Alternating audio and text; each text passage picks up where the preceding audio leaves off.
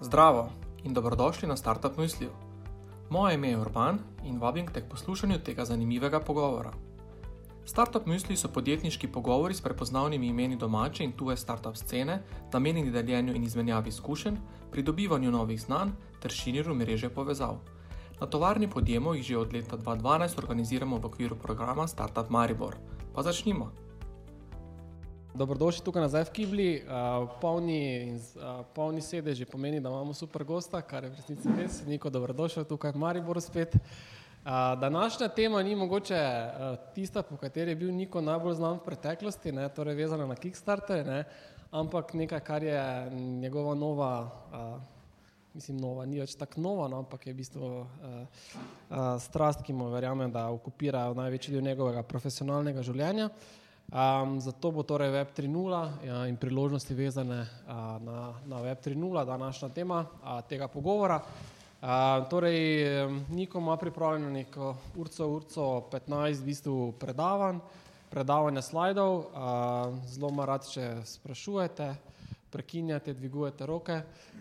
Vse bo posneto na podkastu, zato za vprašanje uporabljajte mikrofone, tako da tisti, ki imate vprašanje, samo počakajte par sekund, da bomo pritekli do vas z mikrofonom in posnamemo tudi vprašanje in potem nek odgovor. Tako da, evo, današnji pogovor te poteka v okviru, torej organizira tovarna podjemov, v okviru programa SIO.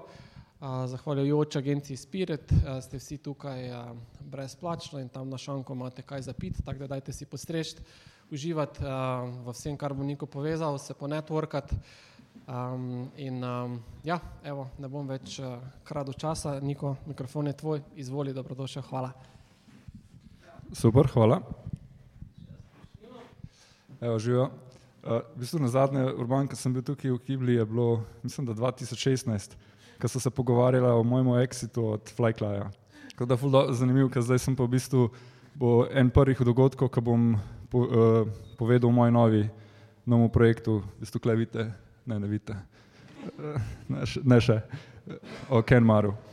Ampak ja, tako da ja, jaz imam danes v bistvu, uh, cilj te prezentacije je, da tako zelo basic uh, intro v Web3, uh, ideja pa je, da v bistvu, ker moja moja teza je, da v naslednjih desetih letih bojo pač vse, kar bomo delali, bo one way or another povezan z blockchainom Web3.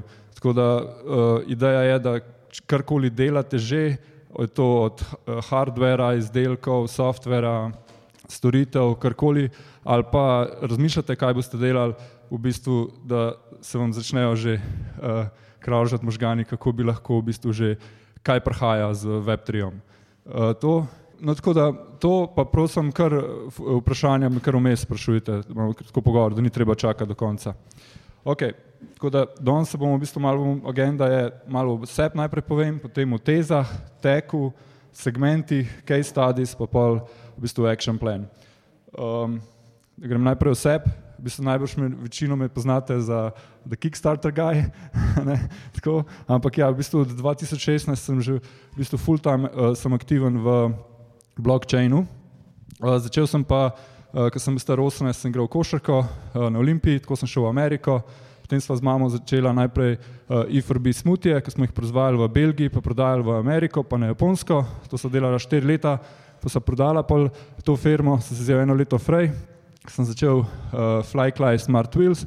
Uh, to najbrž ste slišali, kakšni že.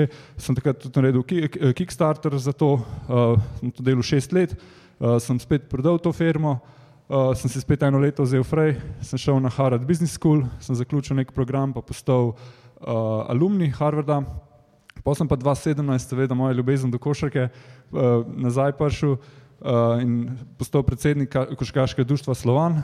V bistvu sem pomagal, da ni šlo v bankrot. Uh, sem mislil, da bom ful se s košarko ukvarjal, sem se pa v bistvu samo v pisarni z Exceli mogel ukvarjati, pa v bistvu razmišljati, kako znižati stroške, pa dvigati uh, promet ali pa dvigati prihodke. No, tako, tako da sem to bil dve leti predsednik, pa, pa še dve leti v odboru in v bistvu smo rešili, tako da uh, smo ni šlo v bankrot, pa v četrto ligo, ampak smo obstali v tretji ligi, pa mislim, da zdaj so v drugi ligi. To pol pa uh, vmes, ko smo naredili uh, tale uh, Kickstarter, ki smo delali po Sloveniji, uh, sem z Tilnom, ki je tudi tukaj, pa Žigatom smo v bistvu skupaj naredili crowdfunding meetups, to zdaj že delamo okrog 9 let uh, in smo zgradili eno največjih skupnosti v, v Sloveniji, zdaj pa plan, da v bistvu se širimo po, uh, po celi Evropi. Uh, to, tako da, če se kdorkoli še zanima za Kickstarter, uh, imamo to vsak drugi torek ob šestih zvečer. Tako da danes teden ob šestih zvečer imamo online meetupe, uh, kjer se vsi srečamo, dobimo in se pogovarjamo o crowdfundingu. Uh, zadnja stvar, ki sem jo pa naredil, je pa še Bizmi Bootcamps. Um, to je pa v bistvu uh, Alan Fajlič, me je navdušil njegovim, uh, na njegovo, kako bi temu rekel, online šolo. Tako da smo se skupaj pogovarjali in sem v bistvu isto naredil bootcampe, kjer so štiri tedenski bootcampi uh, uh, on hands da, za crowdfunding, pa še za druge stvari. To. Kaj sem pa zdaj naredil? V bistvu od 2016 sem bil dosti aktiven v Web3, blockchain, uh, kako hočemo temu reči. Um, no, in uh, sem dosta tudi investiral uh, kot individual. Lansko leto so pa v bistvu z mojim partnerjem Aljošo uh, rekla, kaj če bi to mi da naredila skupaj fund, tako da smo naredila Kenmar uh, Web3 Investment DAO ali fund uh, in v bistvu sva dala uh, svoj denar noter plus odprla svojega um, special exclusive uh, investitorjem. Uh, tako da s 1. majem lasiramo ta fund in začnemo investirati v Web3 projekte. Uh, tako, tako da to je moj nov chapter. Uh, to, evo, zdaj gremo pa v, kar v teze. Um, tako da prva teza, najbrž, ne vem, ne vem koliko, koliko, smo, koliko je tukaj znanja, tako da kakšne stvari so dosti basic. Tako da imamo Web 1, Web 2, Web 3 je ta teza, kjer v bistvu Web 1 je bilo od 90. do 2004, je bilo v bistvu samo, da si ti lahko prišel vem, na spletno stran in jo samo le prebral, gledal, nisi mogel nič gor narediti, samo gledal si jo. Ne? Razen če si hotel narediti, si mogel v bistvu znati programirati. Ne? Potem so prišli social networki, pa YouTube, pa take stvari, pa blogi, kjer si v bistvu ti, to je Web 2.0, kjer si lahko read-write, kjer si lahko prišel na spletno stran in tudi pisal gor, uploadil video, fotke, kar smo delali na Facebooku, pa vse to, to je Web 2. No, zdaj smo pa v bistvu v 2014 naprej, je pa v bistvu ta, rečemo temu Web 3 prišel, kjer je pa read, write, own, da v bistvu ti lahko zdaj ownaš tudi stvari na, na, na internetu, na webu. Uh, kaj je v bistvu res blockchain pripeljal, je to, da lahko mi transaktamo value med sabo, brez neke centralizirane institucije. Uh, internet nam je prinesel to, da se lahko mi širimo no informacije. Ne, včasih si mogel ti uh, brati novice ali pa gledati televizijo in to so bile centralne organizacije, ki so nam dale informacije pa je pa internet prišel, ker sem pa jaz lahko nekaj postnil, pa je nekdo na drugi strani lahko to prebral, smo pa v bistvu rateli decentralizirani in si, si lahko šeril informacije. Kaj pa Web3 ali blockchain prepelu, je pa to, da spet mi si lahko danes value uh, uh, transaktamo tako, da rabimo neko centralno organizacijo, kot je banka, z blockchainom pa mi v bistvu lahko to delamo peer-to-peer -peer in si vidno, tudi lahko zaupamo, ne? ker to vse v kodi pa na blockchainu. No to, tako da to je v bistvu kaj zares blockchain je, kaj ustvarja, je ta, da lahko vsaki stvari, ki je lahko nek value kreira, pa v bistvu si jo lahko šeramo, ne, pa zaupamo, brez centraliziranih organizacij. Moja teza pa je, da naslednji step, ki pa gremo, je pa v bistvu ta immerse, da bomo v bistvu šli noter v internet. Kaj to pomeni? Virtual reality, augmented reality, vse te stvari. Ne. Tako da to v bistvu moje mnenje je, Zato je to next step, da bomo v bistvu začeli jeti v internet noter. Tako. Če ima kakšno vprašanje, kar dvignite roko, prosim. Okay. Naslednja, naslednja moja teza je, da v bistvu začenjamo živeti v treh različnih svetovih. Okay? Imamo prvi svet, ki je ta fizikal svet, to je to tukaj, ki smo zdaj. In v bistvu ta svet ga uh, kontrolira, pa uh, uh, ja, ga kontrolira government.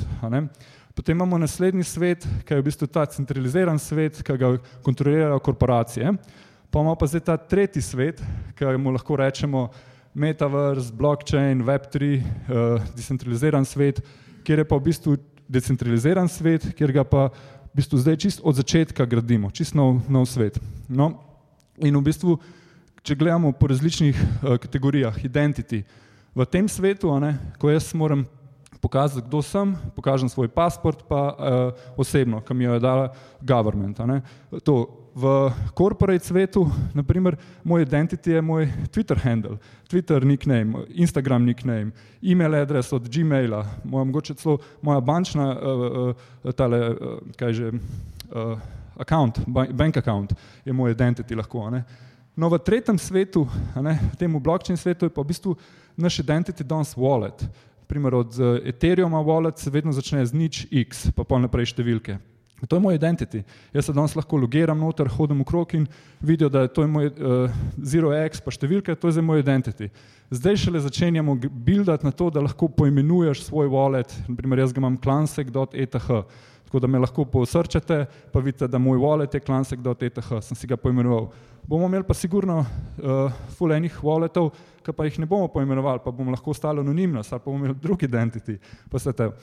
No, tako, in, um, ne, Kaj sem tudi opazil, rečemo lansko leto sem bil v Lizboni na NFT konferenci in tam so bili pač različni ljudje in to, to so tako 25-letniki, ki jih vprašam, kaj pa delate, s čim se pokvarjaš, pa mi reče, ja, ama international art collector, ne, skod, prosim te lepo stari, 25 si star, ne, tako ne, ne me zdaj bazi tukaj. Tako, ampak tako, pa tako, ko ga pogledaš, ne, tako navaden t-shirt ima, pa tako nikoli ne bi si rekel, pač si misliš nek študent je to, ne, ampak v tem svetu je on glavni. Tari, on ima, ima une panke, ima pa lende, ima pa bitcoine, ima pa to je glavni v tem svetu. V teh dveh svetovih pa tako pač nobody.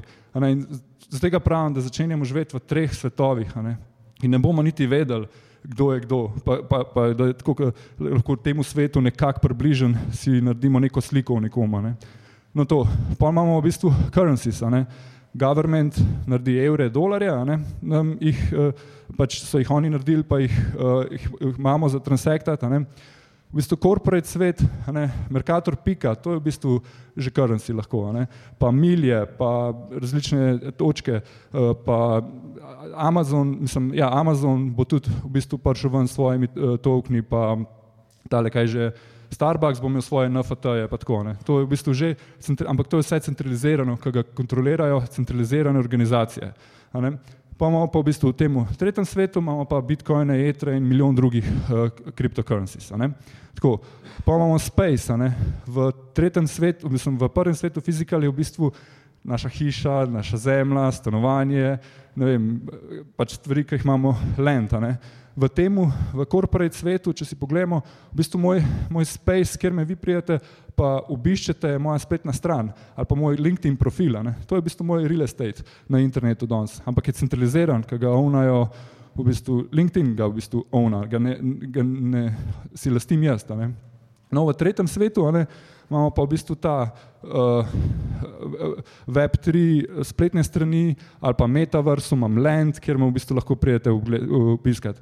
Malo kasneje bom pokazal tudi naprimer, on cyber, kjer si lahko svoj, svoj metaverse naredite in v bistvu tipkate rečemo clansec.com, to je moja domena, boste prišli gor in boste lahko enter in boste imrsali v, v moj metaverse, kjer se bomo lahko srečali ali pa boste v bistvu samo hodili v krog pa videli vem, moje dosežke ali pa moj art gallery ali pa take stvari. To, uh, kamo še kaj, law, na primer, je zanimivo. Ne? Tukaj physical world imamo pač uh, sodišča, ne? pa legislations. V corporate vozu imamo ne, rules pa board members, kjer v bistvu določajo pa kontrolirajo. Ne. Zdaj in se pač odločamo, ne, ok, mi je všeč pa Apple, privacy, uh, privacy policy ni tako všeč, ok, grem, uh, grem k Google, ne, ker tudi ne, se lahko odločaš, ne, take stvari. V tem tretjem svetu ne, je pa v bistvu law je code, koda, ne, in smart kontrakti. In v bistvu to je zapisano noter in ti točno veš, kaj je in kaj, te, kaj, te, kaj lahko pričakuješ.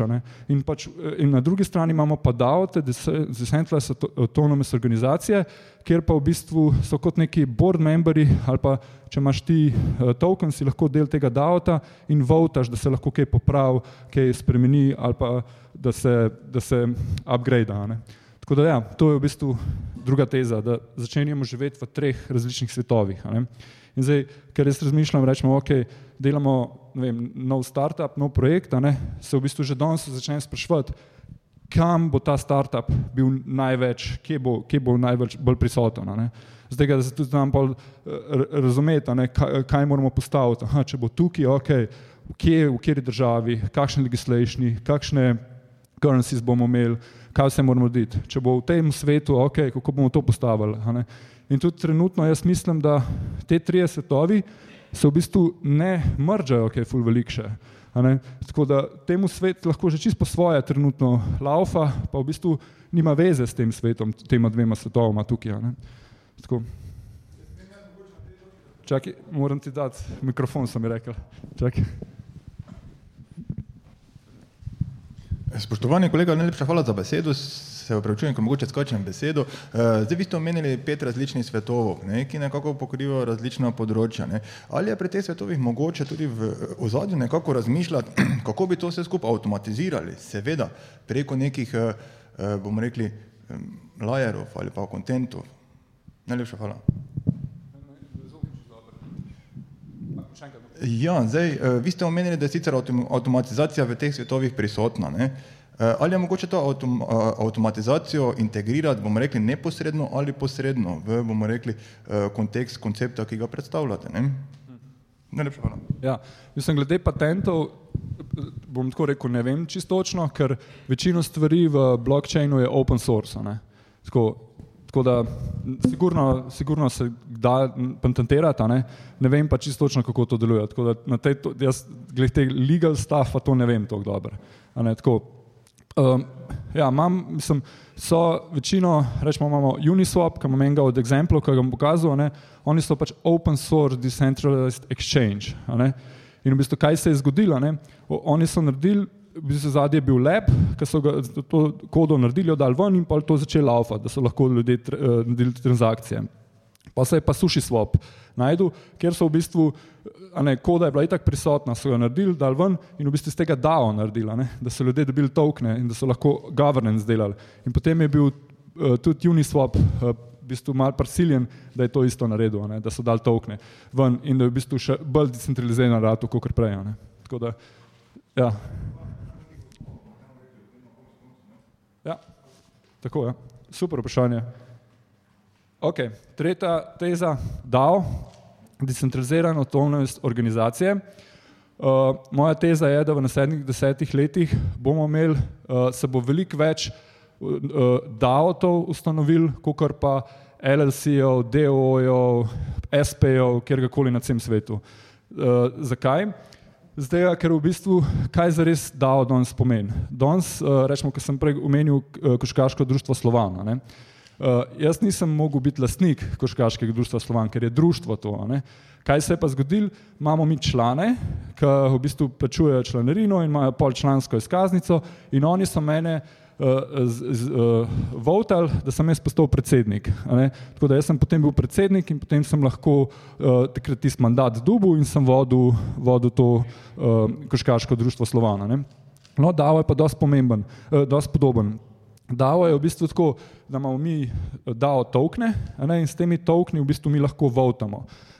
In kaj rečemo ta Uniswap, ki sem ga prej omenil, je bila dobra, dober eksempel. Uniswap se je v bistvu javil, eh, ta ekipa se je javila in rekla, ok, mi bomo naredili ta open software za to decentraliziran exchange, ga bomo naredili in ga bomo dali ven, bomo open source naredili. Zato, da bomo pa governance delali, bomo imeli pa tokene in mi si bomo dali tok tokenov za nagrado, to ostale bojo pa pač ljudje lahko dobili na različne načine.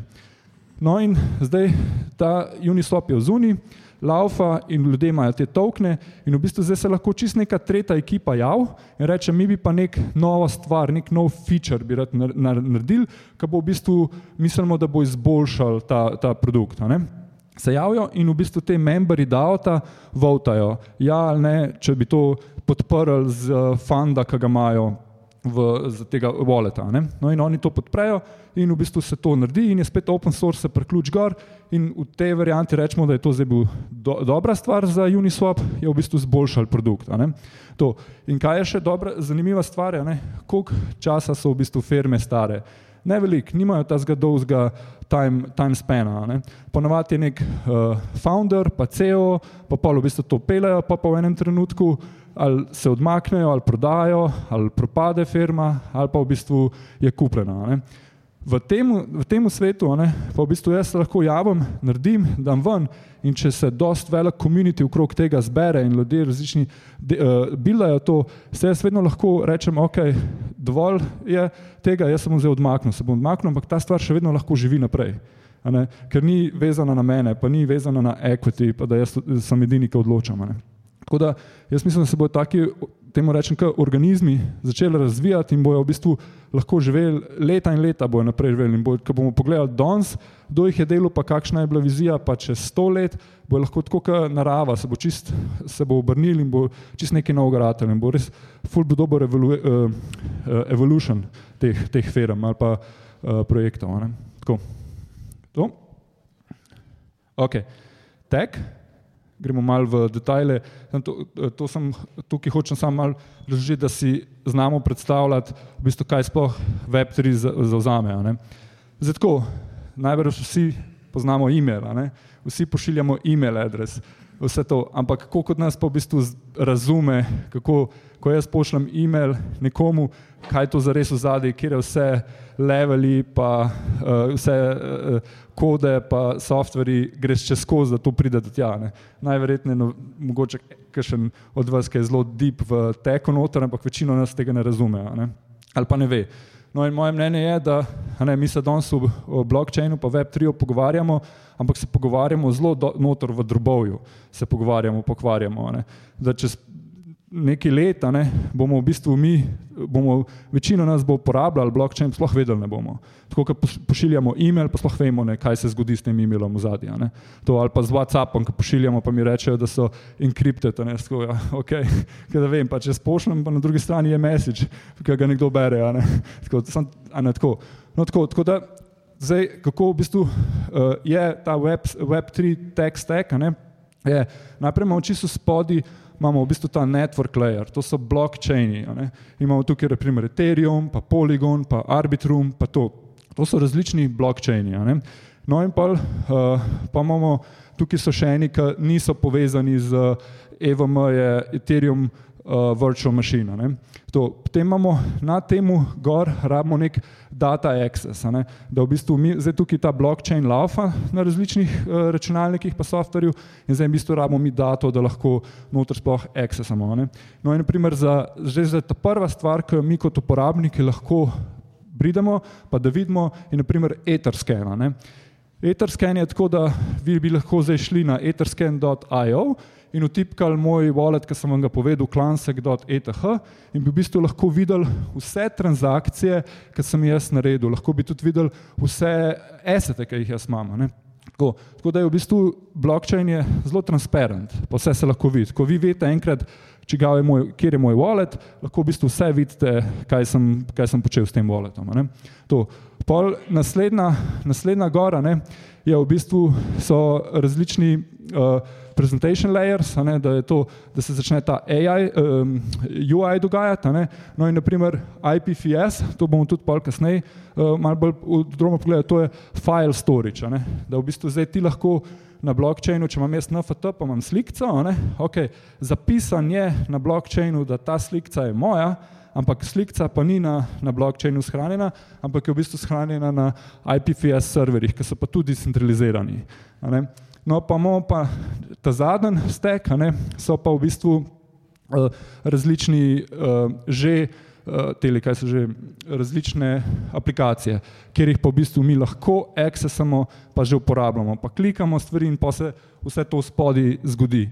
In to je, to je tukaj, ka, če bi jaz rekel zdaj, da mi e-mail uporabljamo, ne gremo v inbox Gmaila, to smo zdaj, mi smo tukaj tam gora. Ne. To vse spodaj se pa pol lepo laufa, da, da se da Web3 res lahko dobro dela. Ne? To? Ok, naslednja je najverjetneje, ne vem, koliko vas že to pozna, ampak to sem sam dodal zato, da uh, imamo to, da se, da se razume, ker doskrat v bistvu slišim Web3, blockchain, ne, pa uh, environment, pa v bistvu koliko ene elektrike se skur za to, ne, pa to, pa jaz, no, to pa mi nočemo tega delati, pa se to. Tako se ve, imamo proof of work, pa proof of stake. Večino v bistvu, teh blockchainov, ki sem jih v spodaj pokazal, so v bistvu danes že na proof of stake. Kaj je razlika? Proof of work imamo mi fizične računalnike po celem svetu, ki se preklopijo na network in v bistvu oni morajo um, fulene elektrike porabiti, zato da odkodirajo uh, box in ko ga odkodirajo, potem v bistvu noter vse transakcije, ki so v tistem bloku bile narejene, zapišajo in potem vsi drugi računalniki to pogledajo in potrdijo. Ne. To je v bistvu ta open ledger. Ne. In jaz sem bil, in tist, ki je, tist, je v bistvu ta box odprl, to zapisal, ta delo naredil, je v bistvu potem dobil nagrado. Na Bitcoinu to pomeni, da na vsaki, mislim, da 12 minut en blok pride in v bistvu tista mašina, ki ga odklene, pol to zapišajo in v bistvu se zmajnajo novi bitcoini in ta, ta temu se reče miner, ne, dobi pol te bitcoine, je bil plačan za to, plus za še fije, ki jih vsi transakcije, pri vseh transakcijah plačajo. No in v tem, pri bitcoinu, naprimer, ja, je treba full ene energije, zaradi tega, ker morajo te mašine full velik procesirati, da to odkodirajo pa odprejo. Ne. To, Zakaj je to fora? Je zato, da v bistvu uh, ti nimaš, um, da je bolj secured, zato ker ti imaš v bistvu full enega denarja plačati za elektriko, zato ti to odpreš ne, in pol v bistvu ne, se ti ne splača golfat, da bi ti kakšne transakcije zapisal, da so bitcoini pretep na mestu, ki bi res mogli biti. Zato ker te bojo vsi ostali bojo to videli in te ne bojo potrdili in te bojo kaznovali in ne boš dobil plačan za to. Ne. No, pri proof of stake je pa v bistvu imamo pa, je pa vse na, v bistvu na, bolj na software uh, levelu, je pa v Ethereumu, naprimer, pri Ethereumu imamo 32 etrov, moraš ti dati skoka pri pokru, jih daš v noter, jih zastekaš in potem te software zbere, da boš ti vse te transakcije zapisal in če jih vse lepo zapišeš, transakcije, ki so se zgodile zdaj, boš dobil plačan za to, boš nagrado. In vsi ostali to pa preverijo, rečejo, ja, Niko je res vse transakcije prav zapisal, ki so se zgodile. No in če jaz to naredim, sem dobil plačan. Me je network nagradil za, za to delo.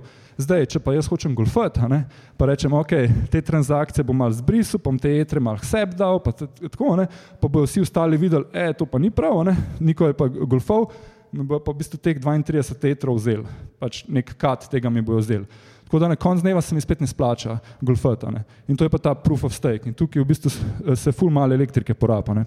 Tako da, ko, ko pridemo do tega, ne, da hočemo biti environmentally friendly, petraj pogledati, kjer blockchainu bi vi stvari delali.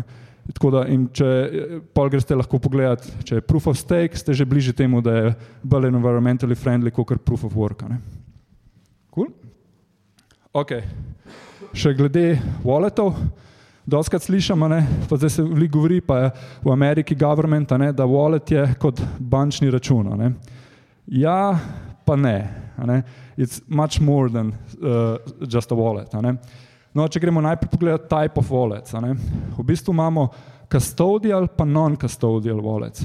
Custodial wallets so te, ki v bistvu rečemo pri Bitstampu je custodial wallet. Vi boste si z neki, neke cryptocurrency imate in jih imate na, na Bitstampu.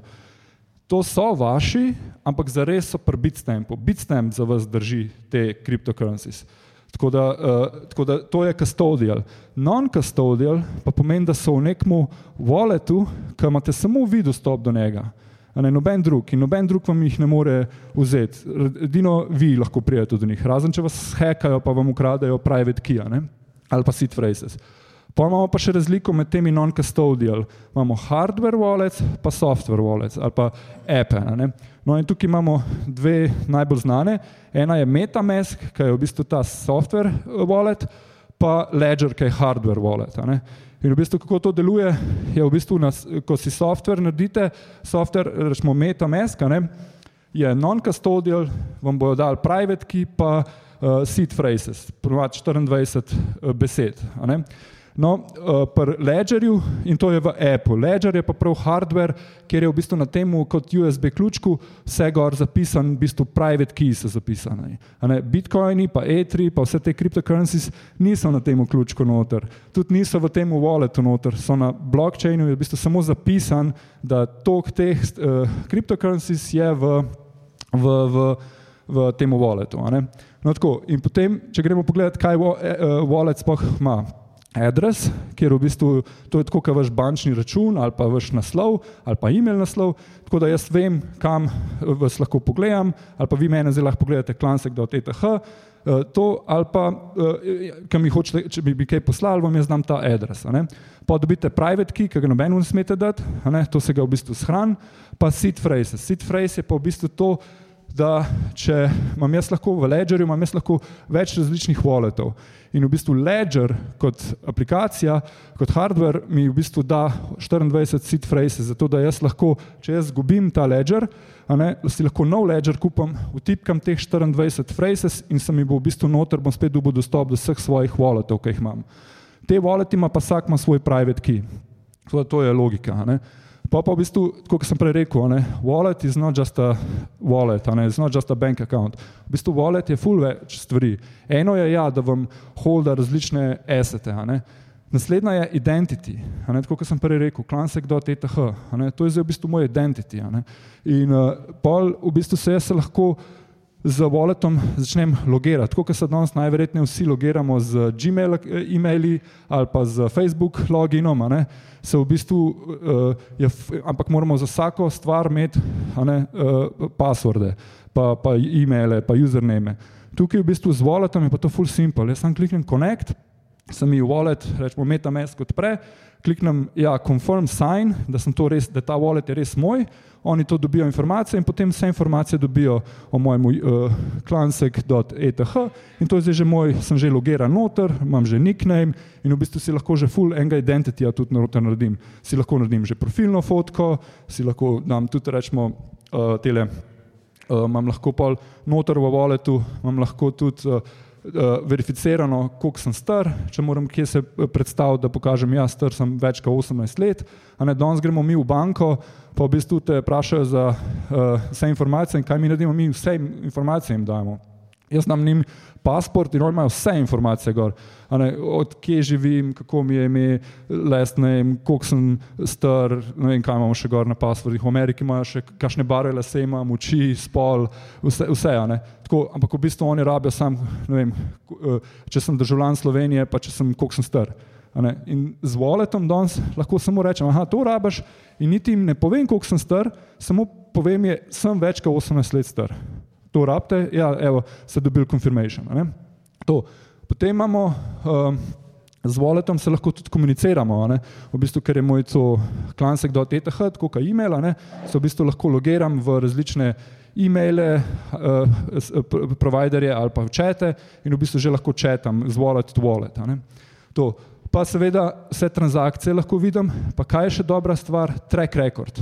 Danes si mi v bistvu mi delamo CV-je, pa LinkedIn profile si delamo, pa pol tam pišemo gor, uh, ok, sem bil na Harvardu, pa sem to naredil, pa un.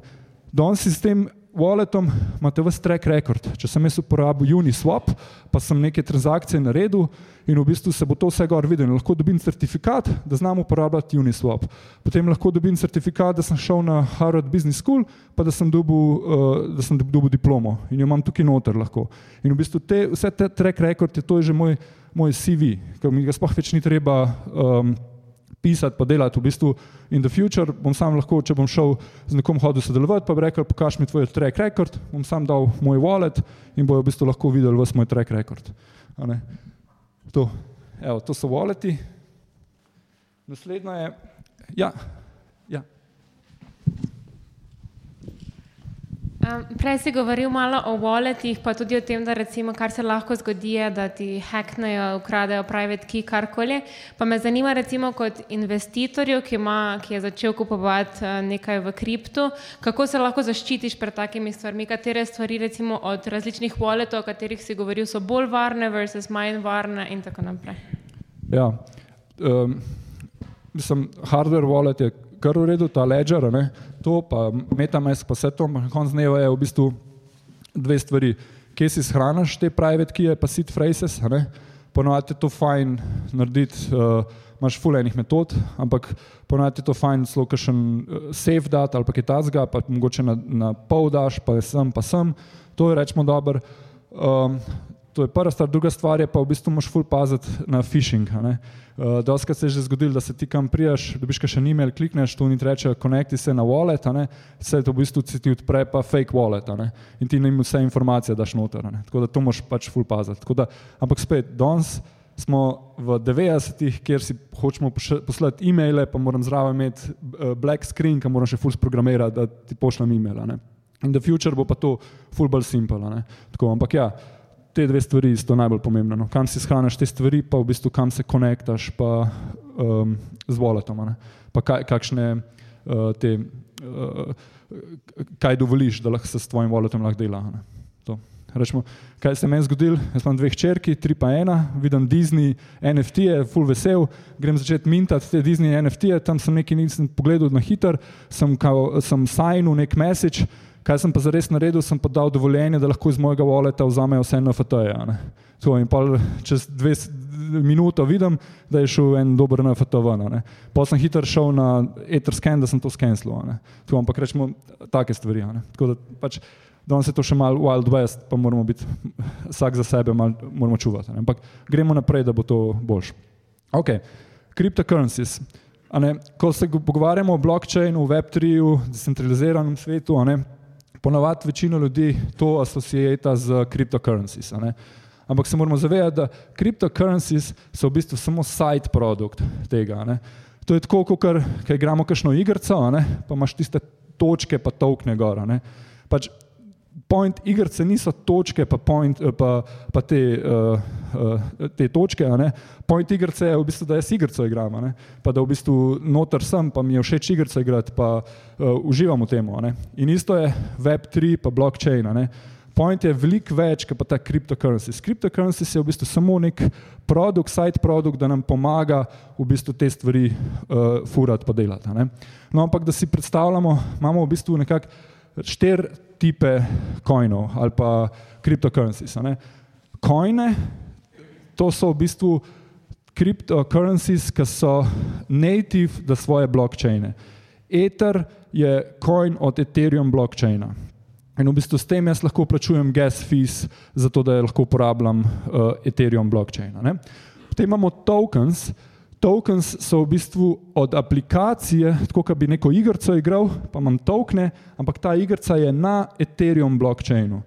In to so tokens. Rečemo, tukaj sem dal primer Uniswap. Uniswap dela na Polygonu, pa na Ethereumu, ampak, ampak za, za njihov governance, za njihov DAO imamo pa Uni tokene. Pol ta tretja so NFT-ji, to so non-fungible tokens. Kaj za res to v resnici pomeni, je, da, nek, da je to certifikat, da jaz sem neki lastnik nečesa. Ne? To, to je vse, kar je.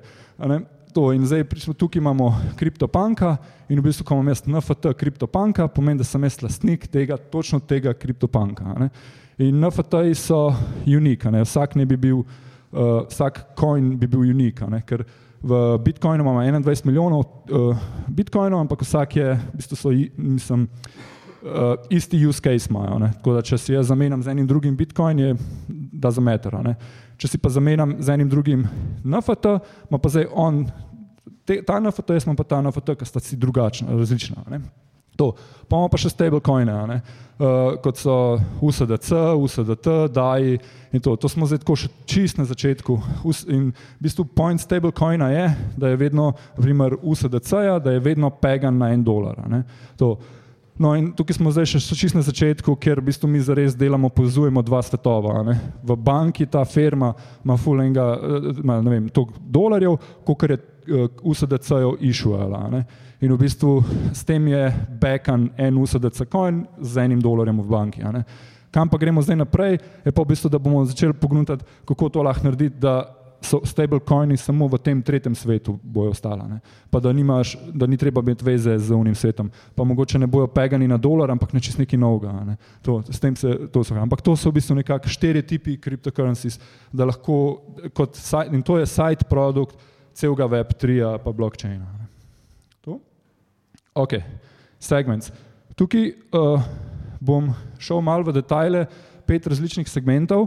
Um, te segmente imamo tudi največji fokus z našim Kenmarom, v kaj investiramo, ampak v bistvu to so te glavni nekak segmenti, kar se trenutno razvijajo v Web3. No, prvi je ta uh, layers uh, od nič do, kamo tukaj, do tri, ne, uh, štirje različni layerji. ne.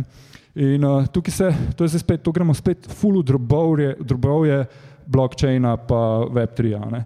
Spet, večino ljudi, ki boste delali svoje neke aplikacije, produkte, karkoli pa boste uporabljali, uh, uporabljali nek Web3 element, se s tem sploh ne boste ukvarjali. Ne. Mogoče ste sam pogledali noter, da boste vedeli, da okay, ta stvar, ki bi jaz delal, bo na teh layerjih delala.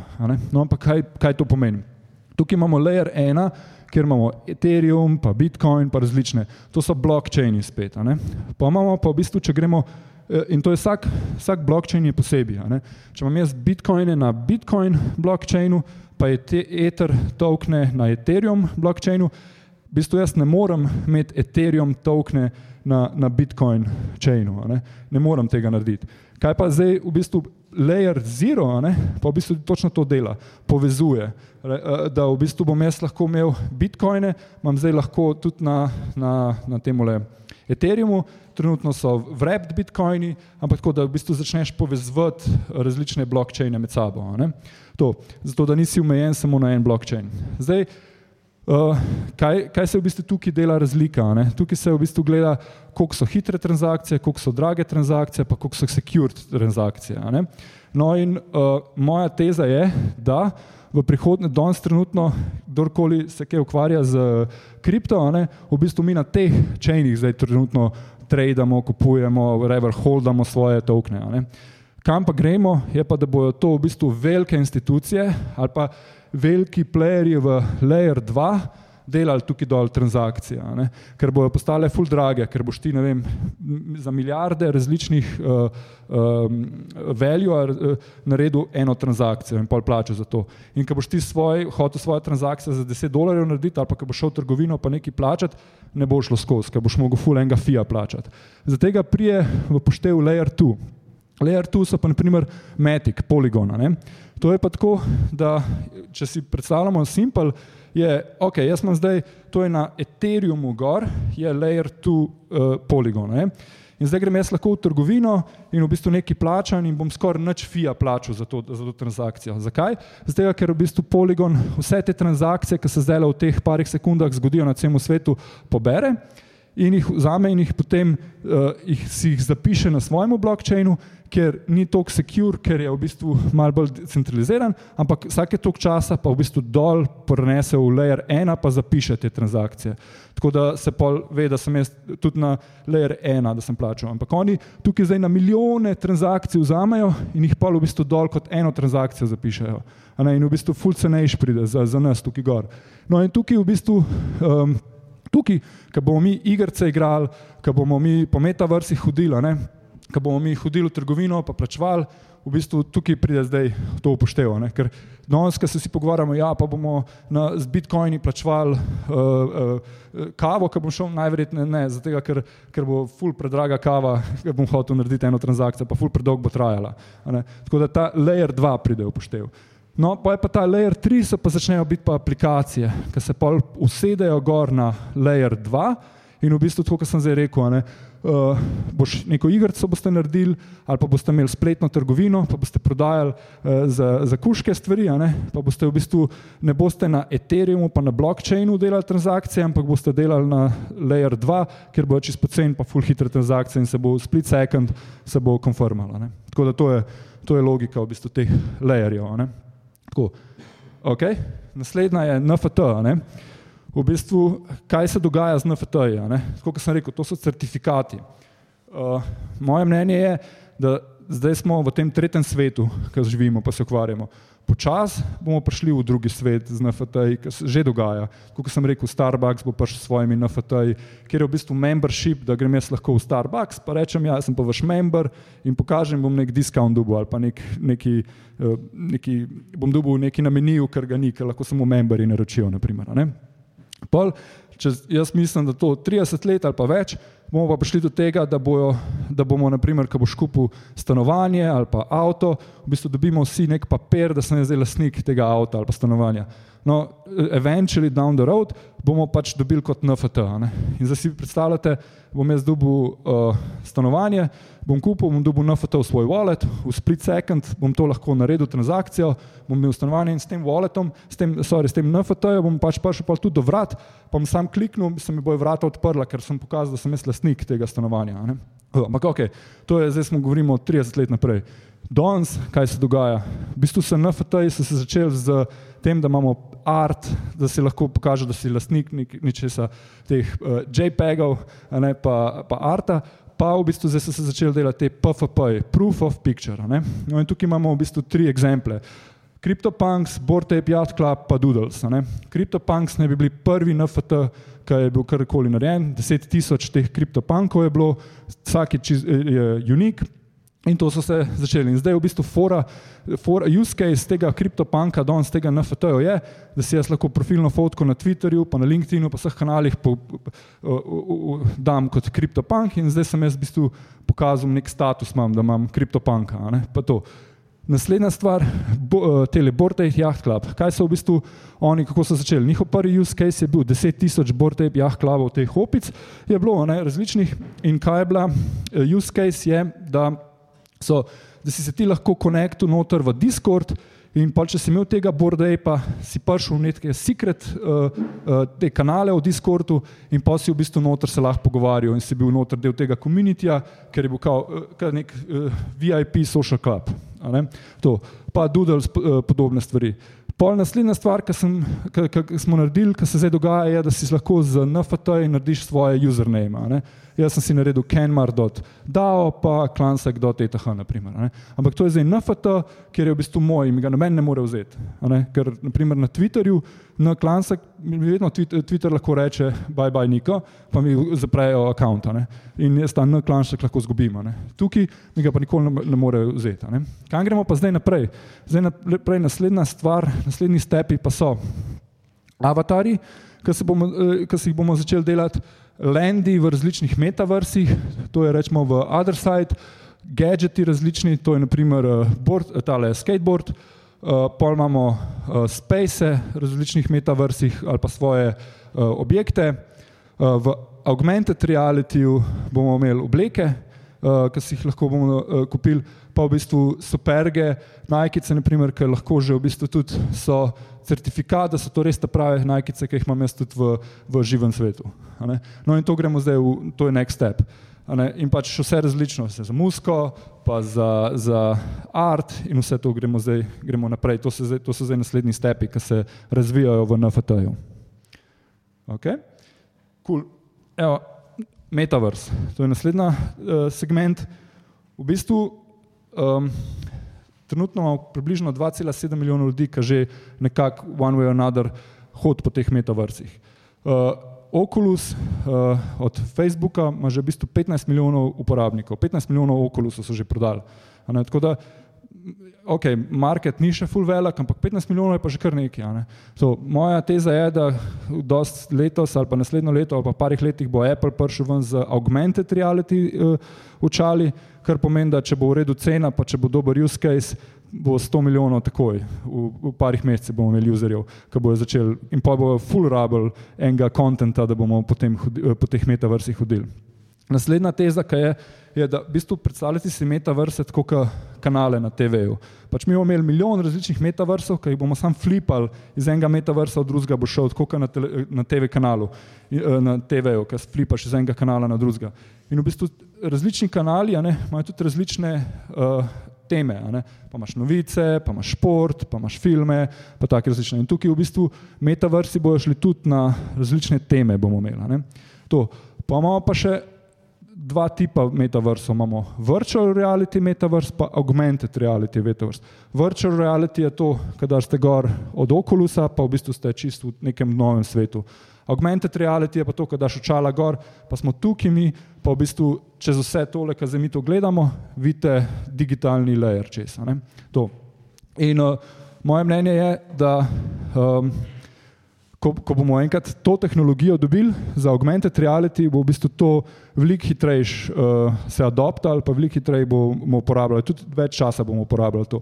Moje mnenje je, da bomo zjutraj se zbudili, če daš očala gor in lahko da boš cel dan imel očala gor in boš hodil in boš šel po, po, po cesti, pa ti bo Google govoril, kamor zavid, pa bom šel teč, pa bom zajčke lovil, pa bo igrca, da, bom, da me bo pušal, pa, pa take stvari, pa ful, pa ne vem, z, ko bom dal dol, bom na vadnem t-shirtu, bom gor, se bom zrihtel, bom šel vem, v banko, pa sem dal kravato gor, ampak v bistvu digitalno verzijo.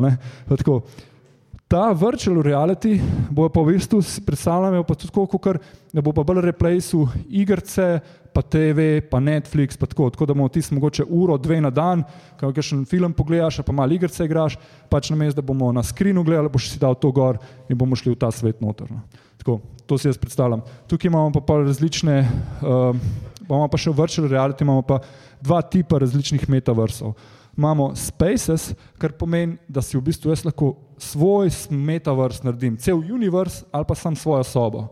Pa imamo pa shared worlds, to je pa v bistvu tako, kot si najverjetno večino predstavlja, ko smo igrice kdaj igrali Sims ali tako, ko v bistvu ti po mestu hodiš, pa, pa, pa si v bistvu šeraš ta space, pa ljudje tu drugi hodijo, pa mes mogoče sam kle eno zemljo, pa nekdo drug ima tukaj zemljo, pa si je hišo kle zgradil, pa se greva lahko po cesti, pa se obiščeva. Ne?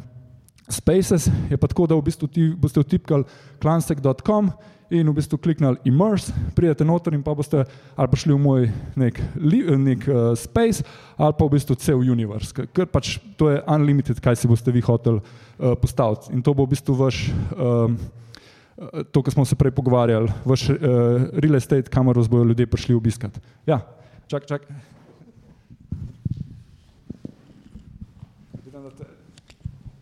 Zdaj, tukaj ste izpostavili multivariantne dimenzije, ne, kako se bo potem nekako družbeni subjekti med sabo povezovali. Ne. Ali bo to imelo potem eh, neposredni vpliv tudi na eh, investicijske, bomo rekli, osnove, ali pa seveda tudi na osnove ljudi, ki bodo isto misleči, posledično, seveda, kot bomo rekli, dolgoročni cilj. Um, ja, gled, za investicije sem že, že videl, da že real estate developeri že imajo ekipe za metaverse in v bistvu arhitekta in vse to in že v bistvu buildajo stvari noter. In uh, že gledajo, rečemo, ene par projektov je, ki so v Decentralandu kupili fulene zemlje, zbildali uh, fulenih uh, trgovin, galerij, vse to in vdajajo zdaj uh, galerijam, pa artistom, pa telim, kaj se že, uh, brandom, pa vse to. To je ista, ista scena, kot v real svetu. To za isto misleče, ne? to je pa dobro vprašanje. To pa bomo videli, kaj ali bo, ali bo res, mogoče bojo postali babli, da bomo v bistvu v Decentralandu, bojo ist, ne, bo nek svoj babel. Jaz bolj mislim, da bojo bolj postali use case, da bojo bolj. Ne, da bo Decentraland rečemo, da bo igrice. Ali pa bo, to je bolj za evente, naprimer, pa bo šel tja na evente, pa take stvari. Pa imamo. Tako je. Ja. Cool. Ok.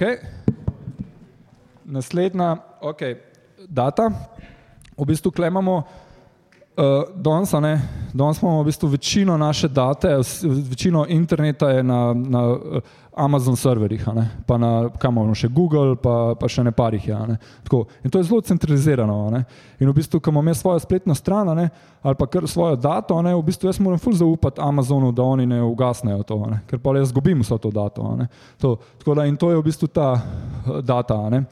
No, kje pa je zdaj ta IPFS, pa uh, Web3, pa blockchain, ne, pa v bistvu tudi tukaj gremo, da je resistance, da v bistvu tvoja data je samo ti dostopaš in jo lahko v bistvu shraniš nekam, kjer ti jo ne more noben vzeti ali pa ugasniti. In to je v bistvu ideja IPFS-a, je projekt, kjer v bistvu ti, rečemo, jaz sem zdaj spet na strani, jo bom shranil na IPFS uh, uh, tole platformo ne, in v bistvu kako to zgleda. Mi imamo zdaj fulejnih računalnikov, pa serverjev po celem svetu, ki se preklopijo na IPFS uh, eh, protokol in v bistvu potem, ko jaz shranim svojo spletno stran, on ne bo shranil samo na en server, ampak jo bo razdrobil, pa jo shranil po različnih uh, serverjih, tako da če rečemo en server se ugasne, še, še vedno na drugih serverjih je, so moje, moja data. In bino, samo jaz jo lahko dostopam to dato. Ko jaz z mojim kijom odklenem, v bistvu imam dostop do cele moje date. Ne? Nekdo na serverju ima pa samo mečken te date, ki odpre, nima nič ne rapo tega. Ne? Tako da to, to, se, to je v bistvu tudi ta layer, ne? kjer v bistvu, ko boste vi hoteli svojo spletno stran narediti ali pa boste imeli neko stvar, kjer boste dato hoteli shraniti, uh, boste v bistvu lahko na IPFS hranili in veste, da je to vaše in samo vi imate dostop do tega. Ne. In uh, tudi, če bo, um, če bo to preživel, ne, v bistvu bo to zavedno tam. Ker, ker na Amazonu, ne, če se Amazon ugasne, v bistvu izgubimo full date. Tudi statistika je, da 90% vse date, pač to, to je zanimiv podatek, Večino mislimo, da zdaj, ko smo digitalni, koliko ene date mi proizvedemo, pa koliko zdaj imamo enega track recorda, kot včasih, ko so na papir pisala. Ne? Ampak v bistvu v zadnjih, v, če pogledamo 20 let, je 90% date, ki smo jo imeli, je zginila, je, je, je šla, je, je gon. Zdaj, ker v bistvu mi updatemo, pa pobrišemo stvari, pa se to. Tako da v bistvu ful mal. Uh, ful malene date v bistvu hranimo za, za, za, za vedno. Ne. Tako pač imaš ene projekte, ki greš lahko noter pa rečeš, ok, jaz bi pa ta vem, New York Times v, iz leta 99 rad videl naslovnico, ne. pa imaš še v bistvu te, ki jih shranjujejo. Ne. Ampak če greš pa danes na New York Times, ok, to je nek tak pri, um, primer, kjer v bistvu vsak dan refreshajo spletna stran, ampak ne bom nikoli dobil, ne bom tam klikant pa videti, kaj je bilo leta 99, 1. aprila. Tako. To. Pa imamo pa identity, to sem že prej malo razlagal. Um, v identityju imamo, danes, na primer, sem šel na Harvard Business School in sem dobil diplomo v papirju. In, pol, uh, in jaz sem zdaj lahko to dal na LinkedIn, pa v bistvu me noben ni preveril, če sem res šel na Harvard. Pač, pač, pač zaupamo, da pač nismo glih sajkos, pa bomo napisali, ker pač venčali se slišimo, kdaj, kdo je to napisal, pa ga pol videl, sem nobenega rekorda pri Harvardu, da je bil na Harvardu. Ampak ja, Harvard v bistvu tam papirje, pa pol ali pa neke serverje, kjer držijo, ja, Niko je bil res leta 2016 pa 2017 na Harvardu in je res to naredil. To. No, zdaj ta decentraliziran identity, je pa v bistvu oni meni iščejo NFT, preleti v moj, v moj wallet, zdaj se že temu tudi reče soulbound tokens, kjer pomeni, da ko jaz rečem prepel v ta wallet, ne morem ta NFT poslati nikomu drugemu. Zavedno je v tem walletu noter. In to je v bistvu zdaj moj identity. In, uh, in vse, in ko gre za pasport, za, za uh, univerzo, za karkoli, pač rabim neki certifikat ali pa identity, za ime, nickname, vse to, v bistvu jaz lahko zdaj dam v wallet noter. Uh, ker danes imamo, če tako pomislimo, koliko imamo enega identityja po, po, celem svetu, uh, imamo razdobljeno, ne? pa imamo ID, pa pasport, pa, pa tole, kaj že. Um, Eh, certifikate različne, pa, pa se to je posotane, razdobljeno. No, tukaj pa v bistvu lahko imaš vse presep in v bistvu ti se odločaš, komu boš dovolil, kaj vidijo, pa komu ne, ne. pa v bistvu ti odpiraš, pa delaš. In naslednji stepi, ki se pa delajo, da boš pa v bistvu tudi, koliko Facebook sluš na naši dati, bomo v bistvu mi zdaj lahko rekli, ok, to je samo moja data in pa boš ti, bo Facebook pršil ali pa nek tak social network, pa bo rekel, ok, mi bi radi tvojo dato, zato da bomo pač nekaj stvari delali in se jaz lahko odločam, jim dam ali ne, pa v bistvu tudi lahko vidim, lahko jim tudi prodam mojo dato in v bistvu jaz dobim nek, eh, nek value iz tega. Tako, tako da to je v bistvu data. Ok, pa je pa še zadnji segment, uh, social. Um, Kot smo prej smo govorili o Facebooku, v bistvu ta Lens protokol je zanimiv. Lens protokol greste lahko in si zmintate svoj username in v bistvu je to je protokol, ker imam jaz username in zdaj so že timi, ki buildajo različne aplikacije on top of Lens protokol. Ne, pa imaš rečemo social network, pa mislim, da je že kao nek YouTube, ki je gor dela, pa imaš uh, Messenger, pa e-mail, pa vse tako. Ne. In v bistvu jaz z mojim usernamom, jaz imam klansek.lens, je moj username in v bistvu se lahko vedno vse te logiram. Vedno bo moj, ker je to NFT. Ne, in tudi vso dato, ki jo dam gor na te networke, je v bistvu moja. Vse fotke se shranijo, so moje in v bistvu uh, jaz določam, kdo jih gleda, kdo ne, če kdorkoli hoče kaj uporabljati, to imam jaz vse, imam jaz kontrolo nad tem. To, rol, ta drugi je social tokens, to je v bistvu koncept social tokens, ko imamo mi social media influencerje ali pa rečemo ne, nekoga, ki je ne vem, športnike. No, in zdaj v bistvu, ali pa musicians je dobra, dober eksempel. Najbrž ste že vsi kakšen band spoznali, ki so bili še early on, ki so bili še nobodies, pa ste imeli nek t-shirt njihov ali pa ste šli na njihov koncert, pa so prišli pa big shot, pa so bili pa čez par let so bili pa huge, pa so vsi v njih govorili. Pa ste hoteli imeti malo unga statusa, malo unga, da ste bili OG, da ste bili prvi, ki ste jih spoznali. Tako, ali pa pestvu, ne, ste, ki ste šli na njihov koncert, pa ste bili fulno navdušeni nad njimi, ne, pa ste pa vsem svojim frendom rekli, hej, to so čist hudi, tale band je čist hud, to je the next thing. Pa se to. No, v bistvu pri social tokens, lahko, ko vi spoznate nek band, ne, v bistvu lahko dobite, lahko, ko ste šli na koncert, lahko do, zmintate ali pa dobite neke tokne od njih ali pa jih kupite ali pa karkoli, zato da imate lahko pol še nek access do neke uh, private uh, chatov, ki se lahko z njimi pogovarjate, plus da eventually, če bojo oni res dal big thing, ne, bo zmeri več ljudi hotel imeti access do nekih uh, njihovih stvari in bojo v bistvu te tokni vedno več vredni, imate v bistvu nek status lahko, da kao ste OG, ki ste jih uh, že toliko prej spoznali. Mirror je je v bistvu medium, je blog, ampak je tako, da se vi zlogirate s svojim walletom, imate svoj username in v bistvu, ko karkoli vi napišete, pa updatate ta blog, je to vaš kontent, je to pr, vas, je na IPFS-u shranjeno. In v bistvu ga, tako kot pri mediumu, če poznate, ne, v bistvu vi smo vsi veseli, vsi ful pišemo bloge gor, medium pa v bistvu sluša tega, pa v bistvu celo, daj celo na moj eh, blog, mi dajo log, da ga ljudje ne morejo prebrati, ker morajo plačati subscription ali kaj takega. Pri Merotu se to ne zgodi. Ne. Merot je v bistvu čist vaš, uh, vaš content in vi odločate. In ful enih različnih toolov je, kaj lahko um, um, kaj lahko s tem kontentom delate. Lahko ga tudi date, za, da plačajo ljudje subscription, da morajo ne vem, nekaj plačati, lahko rečete, da je za ston, lahko rečete, da, čist, da ga lahko ljudje vsi uporabljajo, to, ampak vi to določate. In rečemo za vse moje projekte, v bistvu za blok uporabljamo samo še Mirror.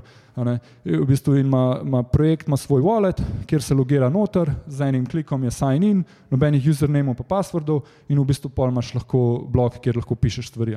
Vsi ostali naši obiskovalci ga pa lahko brez logina lahko berejo. To NS. NS je ta username, to moj rečemo klansek.eth, to je moj username, ne? ali pa domena, eventually bomo lahko boste tipkali klansek.eth in boste lahko prišli na mojo domeno, ne? moja spletna stran. Ne? Ethermail, to v bistvu se samo z walletom pokonektate in v bistvu, uh, če, če mi kdo hoče danes napisati e-mail, je klansek.eth at ethermail.io. In, to, in jaz sem v bistvu se mogel samo z walletom pokonektati in v bistvu noben, uh, nobenga, nobene informacije o sebi mi ni bilo treba dati in imam v bistvu svoj e-mail in se lahko wallet, wallet ali pa z navadnega e-maila pogovarjamo. Collab.land, community tool zanimiva stvar za Discorde. V bistvu, če, eh, lahko imate vi, eh, rečemo, Tilan bom tebe dal, ki si pri LimeWire-u, v bistvu imate, pa imamo zdaj te originals, ki imamo, ne? pa jih je v bistvu tisoč jih je, ali koliko. No in zdaj v bistvu vi lahko s Collab Blendom, ker imam jaz v svojem walletu njihov original, ne? Ki se jaz povežem s koleblenom na njihov Discord in se meni private chati lahko odprejo samo za the original ones, ki jih imajo, samo tisti, ki imajo ta NFT token.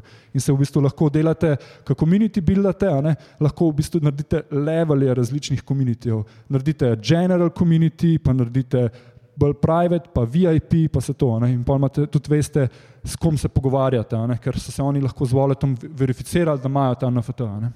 To, Uh, Meritverse, zanimiva stvar, to je tako kot nek LinkedIn, ampak kaj je, vi se z voletom pokonektate noter in v bistvu iz, uh, iz vaših vseh transakcij oni pogledajo in rečejo, aha, ok, Niko je pa del Bankless Daota, ok, cool, pa Niko je naredil te transakcije, oblada, uh, oblada uh, ne vem, uh, je šel uh, tale, kaj že, Decentraland pa je nekaj naredil, oblada to. In v bistvu si lahko zdaj začnem buildati svoj VC, da ljudje lahko, da, da lahko vidijo točno, kje toolse pa znanje imam, ker ne zato, ker jaz rečem, da to znam, ampak v bistvu sem dokazal na chainu, da sem to actually naredil in naredil te transakcije uh, in dobil te certifikate. Friends with benefits, f2v b, uh.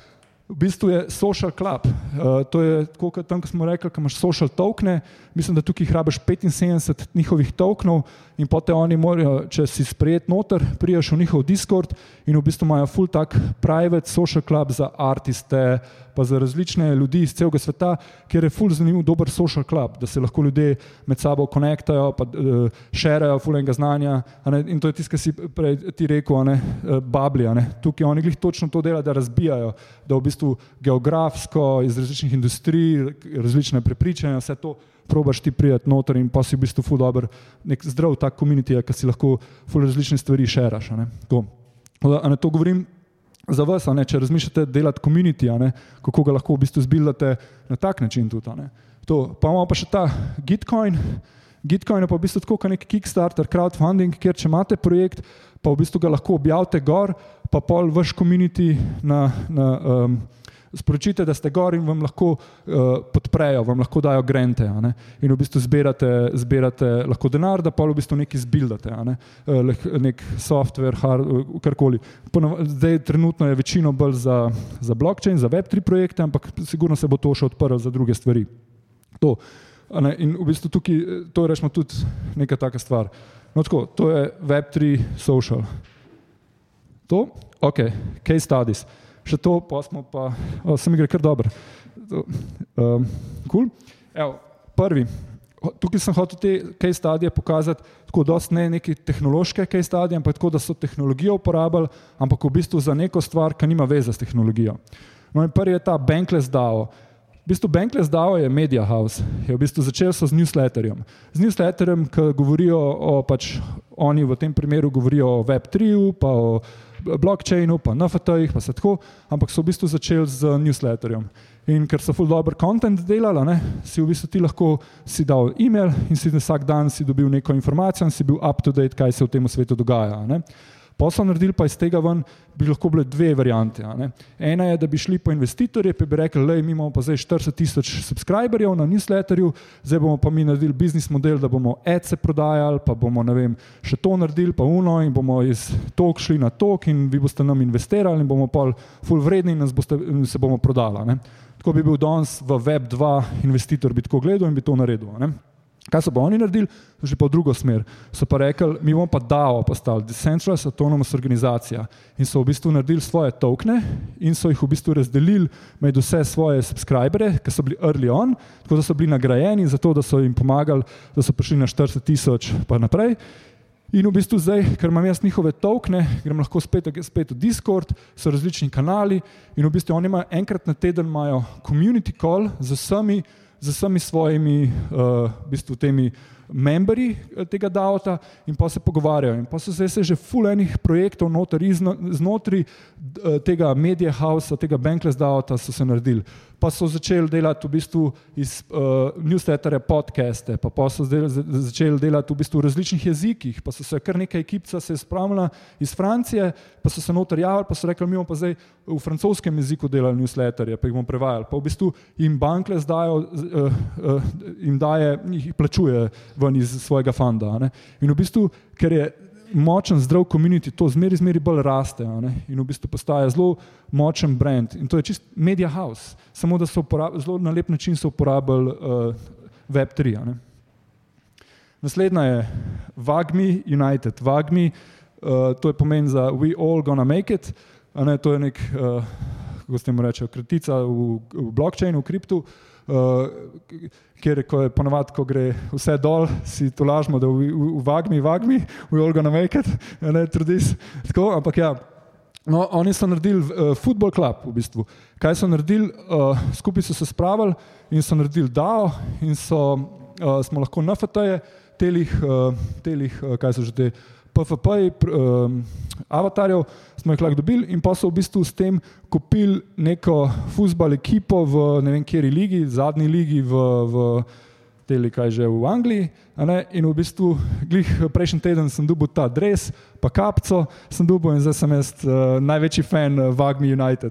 In zdaj pač nas je ne vem koliko in zdaj vsi pač gremo s tem, da lahko votamo, kje drese bojo imeli, ne vem, žoge, take pač. Smo kot neki uh, membri tega kluba in se počutimo ne samo fani, ampak v bistvu še več kot to, lahko še kaj odločamo. Ne? In valjda na polno vsi navijamo, da bomo prišli v Major League ali kaj že uno, kako je že v Angliji. Kjer, kjer? Premier League, ja, da bomo prišli v Premier League in to je zdaj največji cilj v našem življenju.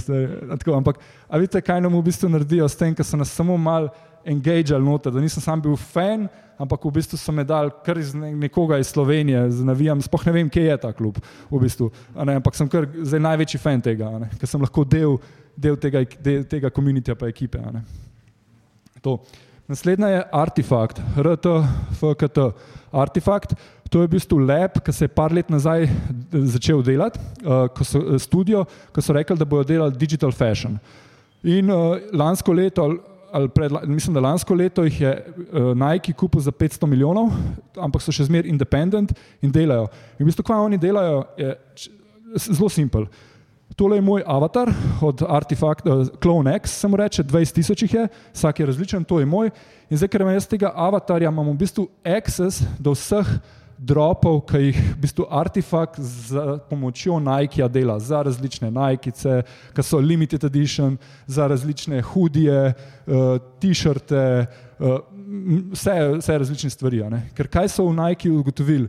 Da se je ta kolektor market, ne, uh, pa te sneaker, sneaker heads, ne, je v bistvu full velik market, rato. to je tako milijardni velik market. Ja, Ampak kaj se je zgodilo? Nike je v bistvu naredil limited edition Jordanke, ne primer, jih je bilo ne vem, sam tisoč, ne, pa so jih prodali.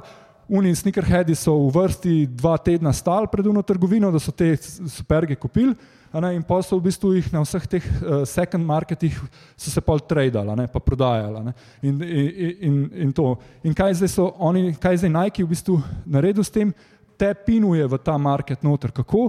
Ker je NFT v ti v smart contract lahko zapišeš, da pri vsaki transakciji, ko se NFT proda, dobiš ti, eh, da lahko ustvarjalec dobi ne vem, nekaj procentov tega. Rečemo, Nike si gledal 10 procentov. Zdaj pa rečemo, ali pa to je tudi za artiste dobro. Artist enkrat naredi neko sliko, jo proda galeriji, pa pa sam gleda, ker se una slika prodaja za zmeri več, on pa ko mi preživi, pa eh, ne ve, kako bo naslednji dan si neki kupil. Ne? Tako, tako, ampak danes z NFT-jem pa v bistvu on lahko pri vsaki transakciji 10% njemu nazaj prileti. In isto to Nike dela. Ne? To je prva stvar. Druga stvar, ki je pa naredil, je pa v bistvu to, da meni več treba čakati dva tedna v vrsti, zato da bom jaz prišel, da bom dobil te najkice. Ampak v bistvu, ker imam tega uh, Clownexa, v bistvu imam skoraj da garantiran, da bom pač prišel noter in bom lahko dobil te najkice. To, to je druga stvar. Ta tretja stvar, ki je pa dobra, je pa to, kaj smo delali. Kupaš te najkice, pa jih pa v bistvu nekdo kup, pa mu jih pošleš, pa jih huntam da v storage, pa jih mal gleda, pa jih čez dva meseca un mu proda za več, pa se to, škoh enega shippinga smo mi zdaj naredili. Vse to. Tukaj v bistvu imam pa jaz uh, samo NFT in ki ga lahko okay, ga prodam naprej, ga prodam naprej, se sam to trade, najkice pa sploh še proizvedeli nismo. V bistvu nekdo, ki je rekel, ok, zdaj pa jaz actually hočem te najkice si jih obut pa nositi, pa prije pa do artefakta, pa reče, ok, kuk, zdaj pa jih v bistvu bi jaz uh, dobil, pa jih ta pokaže, da ima ta NFT in order naredi in v bistvu pol dobi shipping teh najkice. To, to je, naslednja stvar je pa to, jaz sem bil zdaj v Parizu, marca, uh, Pariz na FT konferenci in uh, imamo te, ne, kle ga nimam, take hudije imaš, kad piše tako gor neke kode so, pa CloneX in pa tako čez appom tako naredim, se mu v bistvu mi digitalno krila pokažejo. Ne, tako to pač tisk, gremo v AR, ko bomo imeli gor, bomo jaz pač skrili lahko s tem hudjem hodil. Ampak kaj se je zgodilo? Jaz sem zdaj tam po Parizu smo hodili, pa je tako, un tam kar nekdo iz Ovinka preletu z istim hudjem, najboljši frendi ste, tako je ono, ej, a ne pa to kar en, iz, iz, iz čist tretjega sveta, ampak smo takoj bili best frendi. Pa pol Nike je v bistvu organiziral event samo za Clonex holderje, pa smo bili na nekem splavu na, na Seni, pa je bilo čisto hudo, pa smo ga hengali, pa, pa bili pač tako full enega fulka smo spoznali, pa tako ne. Full, v bistvu, ampak na koncu dneva je to Nike, ker je to korporacija, ker v bistvu, ko si mislim, da bi jaz ne bi nikoli za Nike ne, uno, to naredil, ampak zdaj sem pa v bistvu kar del tega community, pa sem v bistvu biggest fan. To. Okay. Uniswap, to sem v bistvu vam razložil že. Uh, Uniswap, ne, še enkrat držim, To so se v bistvu ekipa, se, ne, danes mi gledamo tako, ok, imamo idejo za nek software, whatever, nek projekt in v bistvu kaj delamo? Gremo na različne načine, kako bomo ta funding dobili ne, in v bistvu damo za to najverjetne equity, damo nazaj. Ne. In pa v bistvu to zbildamo, pa ga moramo pa mi skrbeti, pa buildati, pa držati, ker smo mi lastniki tega projekta. Ne. No, v, v tem Web3-u bo pa zdal ti, pa v bistvu danes lahko ti se rečeš, ok, jaz se javim, da svet potrebuje ta softver in, in rečem, jaz bom to naredil ali pa ta projekt bom naredil. In pa tudi v bistvu komunity mi pove, kot nek crowdfunding mi pove, ja, ok, to šli rabimo, to, to make sense. In me v bistvu podprejo, jaz to zbildam in pa ga dam v svet. To ni več moje. V bistvu sem ga dal v svet uh, in je open source, ok, neke, neke tokene za governance sem si nagradil za to, kar sem naredil, ampak če jaz danes nočem več se s tem ukvarjati, lahko te tokne prodam ali jih dam, jih, jih dam naprej. In v bistvu, če imam močen komunit, lahko to naprej raste in gre. Ne? In v bistvu to, je, to mi je bilo. Um, To mi je bilo ful všeč, ne, to sem videl pri Slovanu, naprimer, ki je Koškaško društvo Slovana, ne, od leta 57 že, ne, pa v bistvu, ma, ne, pa sem bil samo dve leti predsednik, ne, ampak sem, uno, ne, si tako si kdaj rečem, sem uno štefetno palco sem za tistem parjel, pa sem me za dve leti odpeljal naprej, da ta klub še živi, ne, pa še vedno živi in dela. Ne. Zdaj s temi davoti, pa se to, pa v bistvu mi lahko na eh, international, na svetu, milijon različnih stvari na isti način delamo, da to začnemo ali pa damo v svet, pa pa to ljudje poberejo, pa naprej pelejo. To lahko to stoletja, tisočletja to lahko naprej živijo, taki, stvari, taki projekti. To. Ok, pa še zadnji, uh, zadnji tale uh, uh, case study, v bistvu 6529 je, um, jaz mislim, da ni ekipa, ampak je en model, ker sem bil z njim v bistvu na, na kolu, uh, seveda se mi ni uh, imel je čez, čez faco imel svojega panka. 6529 je, je koda njegovega panka, 10 tisoč jih je in on je 6000. 529. Ja, Tako, to je njegov nickname. Tudi na Twitterju, ki pogledate, 6529, to je to. Noben ne ve, kdo je. Jaz mislim, da je nek 50-letnik uh, iz New Yorka, vsaj tako po feelingu, ko sem se pogovarjal na Skypu. No, ampak kaj je on naredil? Um, on je v bistvu na OnCyberju, to je ta metaverse. Je v bistvu začel, je, je, mislim, da je to nek dizajner, uh, ta 3D dizajner, pa ima neko uh, frendema in v bistvu so začeli buildati svoj. Eh, museum District. In so v bistvu naredili tako, mi lahko gremo na 6529.io, mislim, da je, pa tam kliknete, pa greste lahko na Museum District, boste prišli na, na svojemu eh, računalniku donže, boste prišli in boste lahko imers in boste v bistvu po tem distriktu hodili noter. In kaj oni delajo? V bistvu ima eh, fulenga arta, ma, ma, uh, že lahko greste pogledat. Na drugi strani imajo uh, uh, fulejnih eventov organizirajo, pa rečemo različni, različni teli, kaj so že aristi, ki hočejo rečemo, se predstaviti, ne, se z njim zmenijo, če, če, če se zmenijo, v bistvu pol naredijo vem, event v petek popovdne in uh, on, te, ta artist naredi si svojo, obe svoj art in pol fulejnega folka pride in gleda in imajo tam evente, pa se tako. Ne. In v bistvu je art naredil v, v tem svetu, z, z, z nič so začela. Ne. Tako da v bistvu, ko razmišljate, da bi rabili, ne vem, če gremo začis v, v ta svet, ne, če bi rabili imeti showroom ali pa če bi rabili imeti, ne vem, karkoli bi ste delali, v bistvu karkoli nek prostor, da če imaš tale event danes, v bistvu mi bi se lahko v metaversu danes tudi srečali, ne, pa bi jaz isto bi me poslušali, pa isto bi imel lahko tako prezentacijo. Pa sam, da bi pač vsi bili doma, pa bi bil danes na računalnikih ali pa na okolusu, čez par let pa še kaj več, ne, s kakšnimi unimi augmented reality, pa bi bili tukaj, pa bi jaz lahko čist drugače vam predstavljal to prezentacijo. No, tako, to je pa naslednji use case. Ok, action plan, to, to sem, uh, sem malo razmišljal, ker doskrat me vpraša, ok, full the best, super, sam, kako pa zdaj začnemo, ne, kaj, kaj narediti. Ne, to in v bistvu, kako sem jaz začel, je 2013, ko sem naredil flykla električne kolesa, moja v bistvu prva, prvi moment, ki je bilo, uh, sem to, da sem v bistvu na vašo spletno stran, kjer smo prodajali električne kolesa, sem videl, da sem lahko s Coinbaseom povezal uh, Marchant, uh, da so lahko ljudje tudi plačali z Bitcoinom. In tako sem, tako sem se začel spoznavati o blockchainu. In pa sem v bistvu sem dal na voljo, zato, da so ljudje lahko moja kolesa kupili tudi z Bitcoinom. In v bistvu jih je kar nekaj ljudi, so pa to kupili. Tako da ne, razmišljate že danes, kaj, kako lahko implementirate karkoli iz Web3, zato da ne, pa imate nek advantage, ker jaz mislim, da tukaj se dela za advantage. Ne. Ne, včasih, ne, 2004 pa 2005, ko sem bil v New Yorku, ne, je bil advantage, da si bil na social medijih, ne, ker v bistvu so vsi, rečemo, se promovirali, pa, del, pa buildali so offline, ne, v bistvu na social medijih se je pa dogajalo, se dogajale stvari ne, in je bil to advantage. Ne. Tako danes se to zaščiča. Jaz mislim, da je danes advantage v Web3, kjer karkoli delate. Če delate vem, fizične izdelke, pijačo, software, hardware, storitve, karkoli. Um, imam frendico, ki dela, uh, ki dela Eh, nekaj fotografinja in v bistvu je začela delati eh, evente v, v, v, v metaversih, NFT-je, vse to in v bistvu je, eh, je v bistvu fuleno prepoznavnosti tukaj dobila in na drugi strani ima še vedno printe, navadne printe za na steno prodaja, ampak ji, ji, ji, ji pomaga to, zato ker je v tem svetu zdaj tu začela biti in je to adventiča. No, tako da mo, kako bi jaz začel, če sem iz nule. Začel bi najprej pač si naredil self-custody, to je non-custodial wallet, na MetaMask ali pa Ledger. To je prvi step, zato da se naučite, da ni uno bitstamp, ker bitstamp pa exchange so vedno uno ideja, ok, bomo tradali, bomo kupili, pa pa za več prodali, pa vse to. Ne. ne. MetaMask si odprite ali pa Ledger, ker pa se boste začeli v bistvu spoznavati z Web3 projekti, da se ti moš logirati noter, da se v bistvu moš si narediti identity, da se začneš komunicirati, take stvari. Ne?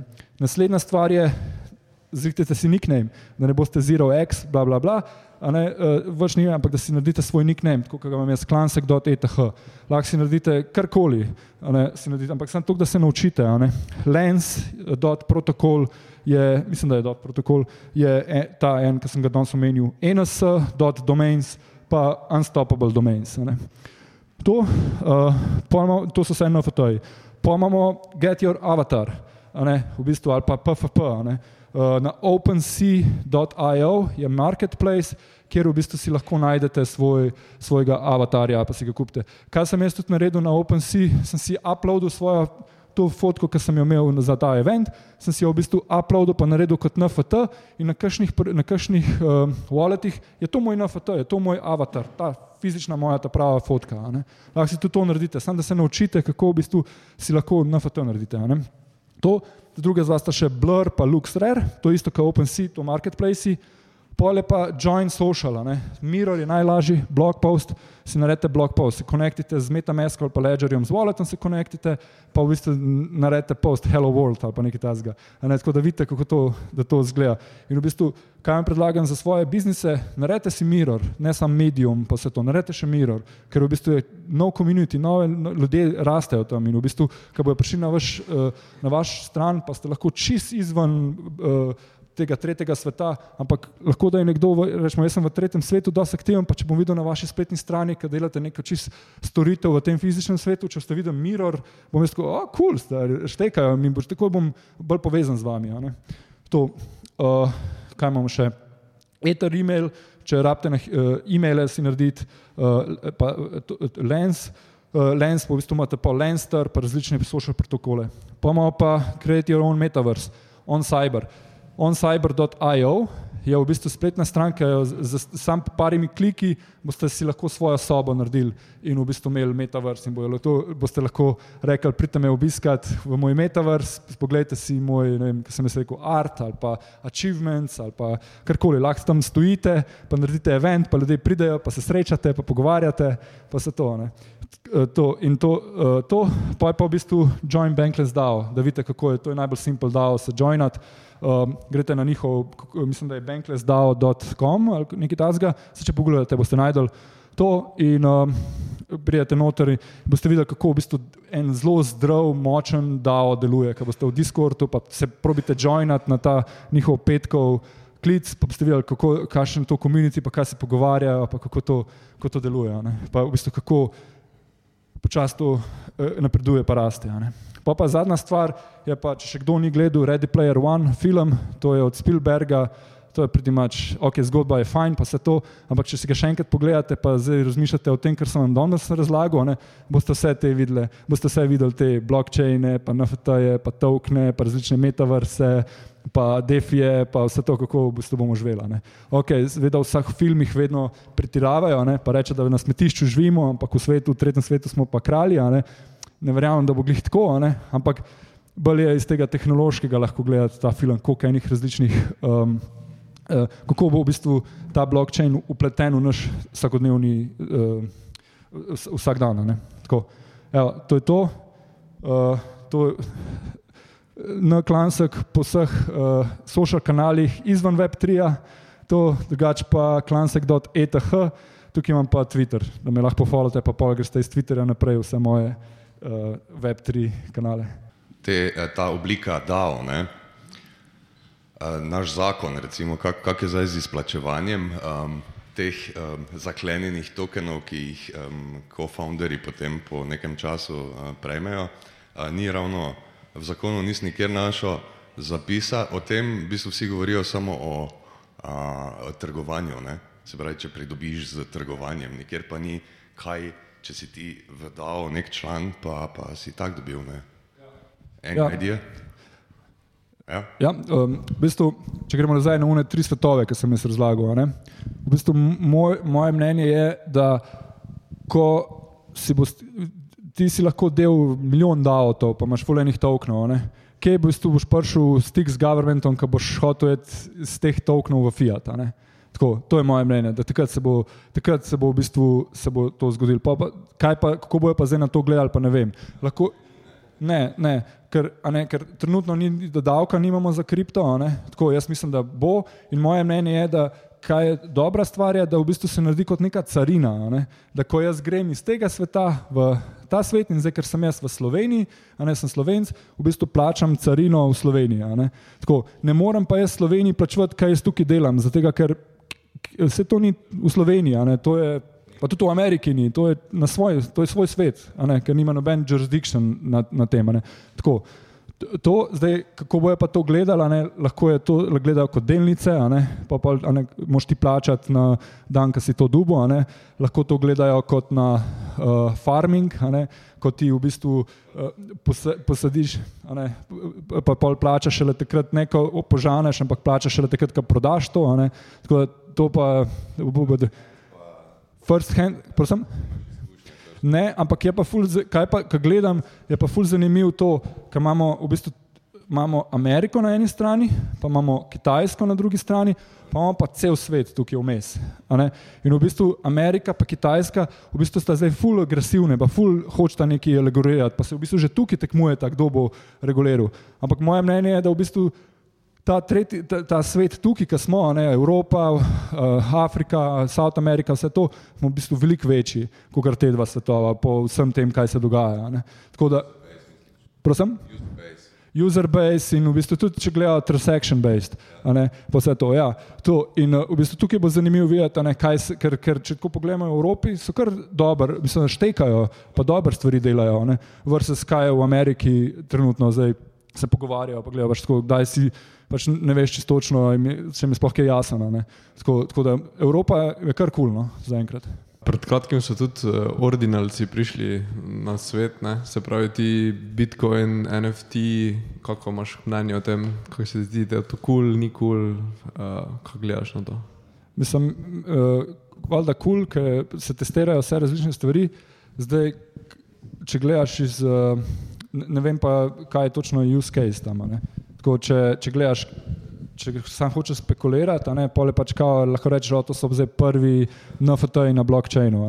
Samo moje mnenje je, da se jim bo po mojem zataknil, ker bojo v bistvu eh, Bitcoin maksimalisti dojeli, da jim full enga block space vzamejo te eh, fotke, ne, bojo pač ne vem, kaj bojo naredili. No. Tako da to, ampak drugače pa kulno, da, da, da, ker kaj jaz mislim, da ne smemo biti, o, jaz sem zdaj za Ethereum, sem proti Bitcoinu, Bitcoin je proti temu, ne, pač na koncu dneva smo še vedno, we are all in this together. Tako da je, moramo biti skupaj držati. Tako kot sem električna kolesa delal, pa sem bil sam, pa je bilo najtežje, tako, ker ni bilo nobenega competitiona, ni bilo. ne. Pa je bilo tako, nobenega ni bilo in tako sem se full matro, ker sem mogel vse ljudi sam naučiti, kaj sploh je to električni kolo, kako se ga uporablja. Pa, se pa, pa so se pa par začeli pojavljati, ne, par teh uh, mojih, uh, um, kaj se to, competitiona. Pa sem bil vno tako, oh, kaj bom pa zdaj naredil, ker imam competition. V bistvu je bilo ful dobro, ker bo market tako majhen, pa še tako na začetku in ko se je competition zgodil, v bistvu smo si en drugemu pomagali. Smo smo tako, okay, mi se ne tepemo za svoj majhen market, ampak se v bistvu pomagamo širiti ta market na ven. In ko so o, o njih neki članek, ki je bil, so vedno tudi mene omenjali. Pa ko so mene omenjali, so tudi njih omenjali. In v bistvu smo si sam pomagali. Smo, smo bili bolj frendi, kot pa da bi se tekmovali. Ti je bilo všeč? Da ne boš zamudil novih epizod, klikni subscribe. Veseli pa bomo tudi tvoje ocene, komentarje in delitve, da za nas vedo še druge radovedne glave. Pobrskaj po naši bogati zbirki pogovorov, gotovo se v njej skriva še kaj zate. Se slišimo?